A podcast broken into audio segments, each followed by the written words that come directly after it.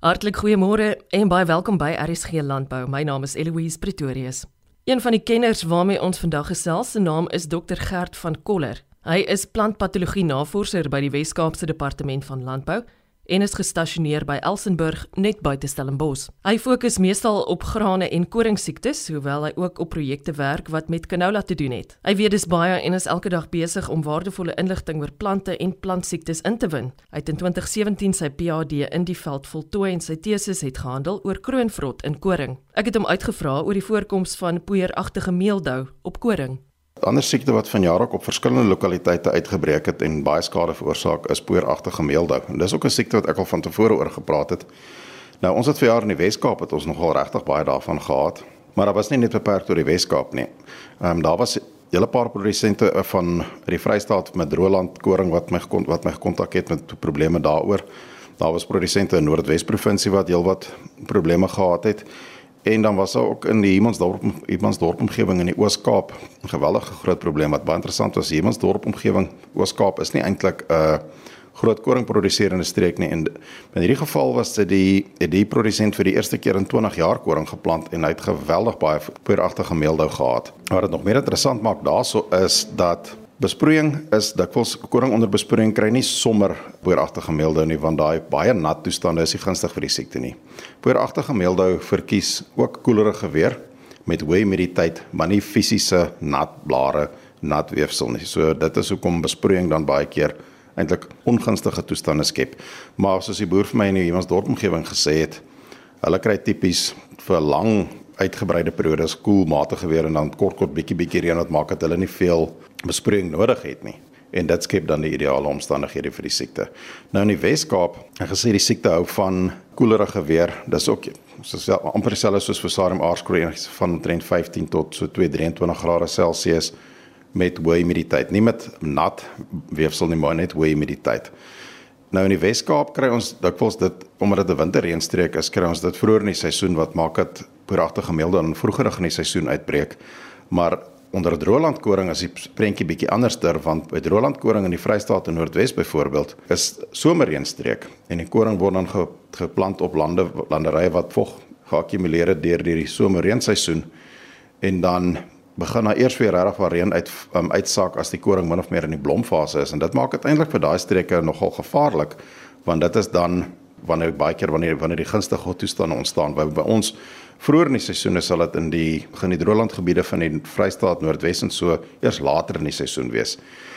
En in die Wes-Kaap kry ons baie keer as ons hier by van van blomfase af en later waar dit begin het warm en droog raak en dan raak die toestande ongunstig vir die siekte so dan is daai word die siekte gestop terwyl dit dan in die binne die droëland um, omstandighede kan die siekte dan nog aangaan en verder ontwikkel en die gevaar daar is dan gaan die siekte op tot in die, en dan infekteer dit die are ook. En as dit die are infekteer dis nie soos Fusarium aardskroewe wat die die korrels vernietig nie maar wat gebeur is dit um, groei oppervlakkig op die korrels en dit maak die korrels taai en klewerig so dit veroorsaak ook 'n uh, afname in graankwaliteit want as jy dit nou na die silo toe vat vir gradering is dit 'n taaierige massa korrels wat jy lewer wat nie goed is om maklik is om te hanteer nie, so dan val jou graankwaliteit ook nog. So die lewensiklus van die swam is baie eenvoudig. Hy oorleef slegs in die geval van poeieragtige meelde op koring, wel dis die geval met alle poeieragtige meeldoue. Dis baie gasheer spesifiek. Poeieragtige meelde op koring kry jy slegs op koring. Dit kan nie ander grasgewasse soos mielies of gars of haver of grasonkruide infekteer nie. Die poeieragtige meelde wat jy op koring kry, kry slegs op koring, nêrens anders nie. Die siekte oorleef op die koringstoppels, maar dit kan nie op iets anders oorleef nie. So, hoe beheer ons hierdie siekte? Wisselbou is 'n goeie manier om die siekte te beheer want dit gee kans dat die koringstoppel afbreek en sodoende kan die siekte dan die siekte druk afneem. Maar die gevaar met pooragtige meeldou is, pooragtige meeldou kan mens baie met 'n uh, veldbrand vergelyk. Jy het net 'n bietjie infeksie nodig om 'n veldbrand te veroorsaak. As daar byvoorbeeld nou 'n koringland naby was, dan kan er nog steeds van die spore dan nou as die reën in begin van die seisoen uitsak of gunstige toestande kan die spore van daar af spat en versprei. En as daar net 'n bietjie infeksie in 'n nuwe koringland is, dan ontwikkel die siekte baie vinnig en produseer massas en massas spore wat dan met die wind versprei. En dan dis wanneer die veldbrand losbreek. So daai eerste infeksie is die virootjie en dan daai op op en volgende infeksies is die veldbrand wat dan begin hardloop. Dit maak dat jou beheer baie tydig moet wees. So gesê het wisselbou help net in 'n mate, maar dit maar die spore van die swam kan nog steeds van 'n aangrensende land of van van elders af ingevlieg kom of ingewaai kom met die wind. Dit is goed om wisselbou toe te pas, maar dit gaan nie die probleem oplos nie. Chemiese beheer is regtig jou beste strategie op die oomblik. Maar jou baie belangrike ding is tydsberekening. Dit is daar's voorsorg definitief beter as nasorg want as die siekte eers vlam gevat het en begin vinnig versprei en die en die swam se lewensiklus kan elk binne 7 tot 10 dae as die toestande gunstig is voltooi en elke keer as hy lewensiklus voltooi neem die hoeveelheid spore wat vrygestel word letterlik eksponensieel toe. So een spoor sal 10 word, 10 sal 100, 100 sal 1000 word, 1000 sal 'n miljoen word vinnig vinnig. So jou eerste bespuiting veral hier in die Wes-Kaap is jou eerste bespuiting omtrent hier by 5 blaar fase van die koring geweldig belangrik. In die binneland, as ek sê daar moet daar moet produsente eerder net die weeromstandighede dophou. En as dit warmerig en droë toestande is, dan is die kans vir siekte redelik skraal. As jy geskiedenis van die siekte het, ja, dan moet jy maar vroeër eerder as later spuit. Maar as jy in die binneland later in die seisoen by blomtyd begin reën kry en dis 'n bietjie bietjie reën is, hoe heeltyd koelerige weer met hoë vogtigheid, dan gaan die gevaarligte aan en dan beter jy vinnig spring om jou bespuiting te doen. En ons het baie deeglik gewerk gedoen op ehm um, swamdoder toediening. En wat ons gevind het was toediening by jou vroeë um, groeifase hier by eerste node, dis omtrent 5 na 7 blaarfase van koring, kry jy baie beter bedekking van die koringblare as later in die seisoen. Die rede daarvoor is omdat die koringare meer horisontaal georiënteerd is, so die bespuiting wat van bo af kom, bedek dan 'n groter area van jou van jou blare. Later in die seisoen as jy hier by vlagblaar aardverskynings bespuit, kry jy baie swakker bedekking. Dit is omdat die blare meer vertikaal georiënteerd het en as jy nou van bo af spuit, is dit letterlik nie die knak in die blaar daar waar die blaar omvou. Dis letterlik net daai klein areetjies wat regtig vir betekenisvolle bedekking kry. Dis maar 'n baie klein area van die hele koring vir die koringblaar. Vroeër spuit is definitief beter as later spuit. En nog 'n belangrike ding is ons het ook gevind dat met jou bespuiting ons het vers, ons het getoets van 50 liter water per hektaar tot 300 liter water per hektaar en jou sweet spot lê tussen 100 en 150 liter water per hektaar. As jy onder 100 liter water per hektaar toedien, dis nou jou swamdonder mengsel, gaan jy te min dit is letterlik soos 'n snybrood met wat jy te min botter het om op te smeer. Jy's dan smeer dit te dun dan. Te veel weefsel met te min, min vloeistof om dit te bedek. En bo 150 liter water per hektaar is dit 'n vermorsing. Dit is dis dit is net eenvoudig te veel. Ons het dit nou oor 2 jaar se data baie duidelik gewys. So tussen 100 en 150 liter water is jou toediening is jou optimale toediening. En die ander ene was jou trekkerspoed. Jou trekkerspoed moet tussen 6 en 10 km/h wees. Ons het gesien as jy van 10 na 20 km/h toedien, neem jou toediening met min of meer 40% af.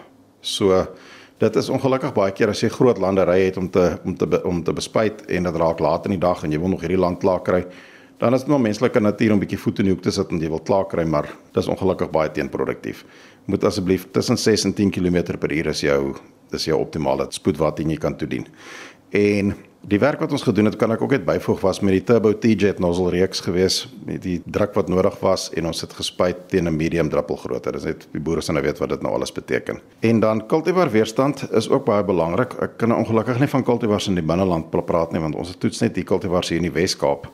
Daarvoor maar wat ons gevind het, napieromgewing, napierbredaalstop omgewing het ons nou oor oor so 2-3 jaar gesien dat SST 0166 definitief minder siekte ontwikkel terwyl in die Swartland, uh, Mamsbury, Moreesburg omgewing was SST 0187 weer meer weerstand biedend teen die siekte gewees. En 'n ander vraag wat boere ook al 'n paar keer vir my gevra het was Hoe weet jy nou of die spuit effektief was? Hoe weet jy die, want of hierdie swam nou dood gespuit het want die swam is is, is die swamgroei is sigbaar as so wit wollerige donsige groei op die op die blare enige groen weefsel basies sien jy hierdie wit wollerige donserige groei.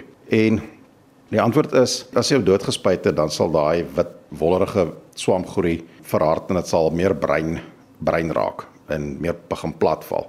Maar jy moet dit nou nie verwar met die normale lewensiklus van die swam nie want later in die seisoen vat mense veral in die Weskaap ook sien sodra dit begin warmer raak hier van September rond af dan maak hy soms sy lewensiklus klaar dan raak die weefsel in elk geval daai wollerige groei raak in elk geval dan begin dan verbruin maar die verskil is by swamgroei wat net sy lewensiklus klaar maak, sal jy swart spikkels binne in die swamgroei sien. Dit is vrugliggame wat ontwikkel. Dit is hoe die siekte oorleef na volgende jaar toe. Terwyl as jy die swam doodgespuit het, sal daai swart spikkels afwesig wees. So dis 'n redelike maklike manier om aan te bepaal of jou spuit effektief was. Boere is welkom om my ook te kontak by gert.vankoller Dis V A N C O L L E R @westerncape.gov.za of op my selfoon by 083 6299289. Dr Gert van Koller is plantpatologie navorser by die Wes-Kaapse Departement van Landbou.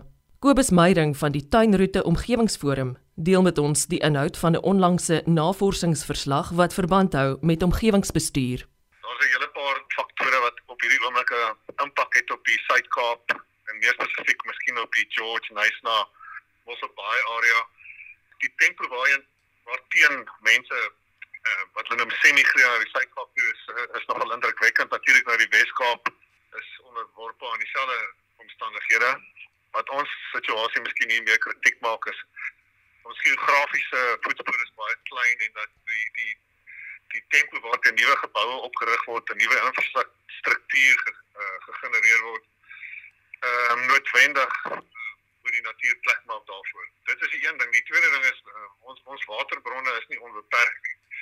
En die areas waar ons kan voorsiening maak vir die bou van nuwe damme bestaan eenvoudig nie meer nie. So dit is so dat die Suid-Kaap kan nie ad infinitum nuwe mense hier akkommodeer nie selfde geld natuurlik vir die Weskaap self, maar ek weet daar is sprake daarvan dat die wat hulle gaan nodig hê is omtrent die grootte van die stad van Bloemfontein binne die volgende dekade of wat. Dis dit is die tempo van invloed en, en natuurlike voortbestaan van die mense wat reeds daar.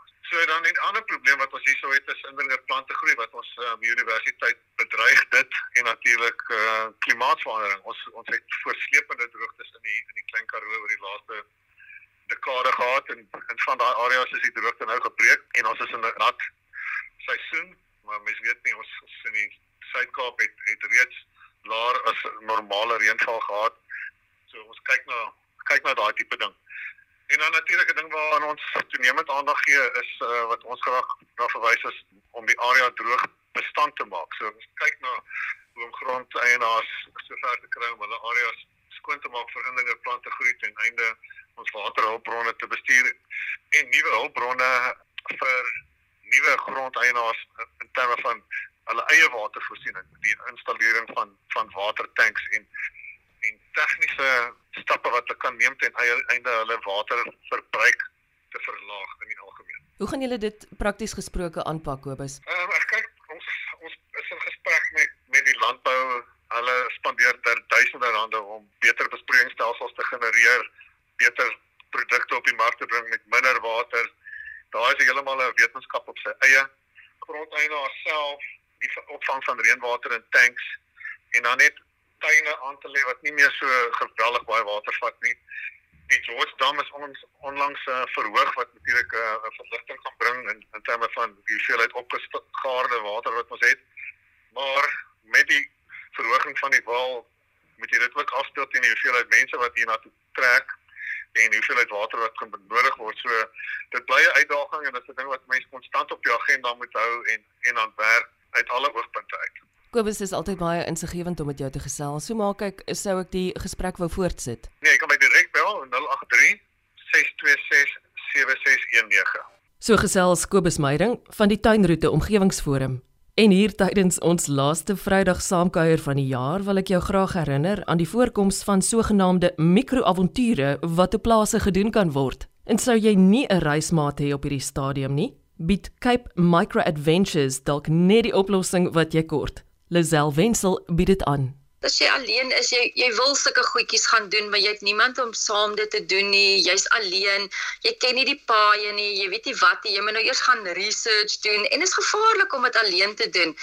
So ek het verskriklik baie vrouens wat enkel is of geskei is of weduwees is of net vriendinne is of net mammas wat wil wegkom wat bespreek en jy wil nie alleen by 'n wynkelder instap en 'n wynproe gaan doen nie. Jy jy wil nie alleen gaan sit in 'n restaurant en alleen gaan eet nie. So hier as jy by ons bespreek, hier staan ek en die mense trek mekaar in. Hulle gesels met mekaar, hulle ontmoet mense, hulle geniet dit en soos ek vir jou sê, 50% van die mense op baie van my trips is 50% van die mense kliënte wat terugkom. En dit is altyd so lekker om te sien as die mense terugkom. Partykeer dan sê ek, "Hoorie, ek sien vir jou weer, nê?" Dan sê die vrou, "Ja, nee, sy sal kyk." En as sy dan kom sy terug en sê, "Ek het mos vir jou gesê ek gaan jou weer sien." En sy sê, "Ja, jy was reg gewees." Die mense geniet dit verskriklik en as jy net 'n vinnige wegbreek nodig het, jy weet, dit is perfek vir iemand wat 'n besige lewe het. Want dis dis kort en is kragtig. Jy kry 'n na, uh, natuur in, jy ontmoet mense, jy ontdek plekke, jy sien plekke wat jy nog nooit van geweet het nie. Jy het die mooiste mooiste uitsigte wat jy sien. En ek sê altyd die natuur voed jou siel. So hoekom nie dit doen nie? Dit is goed vir jou. Loer gerus op Cape Micro Adventures se Facebookblad om meer te weet te kom oor hierdie kort en kragtige vorm van agritourisme. Luister na enige van ons programme wat jy moontlik vanjaar misgeloop het deur die webtuiste www.elsenburg.com te besoek. Ek is Eloise Pretorius en ek sien daarna uit om binnekort weer landbou nuus met jou te deel. Totsiens.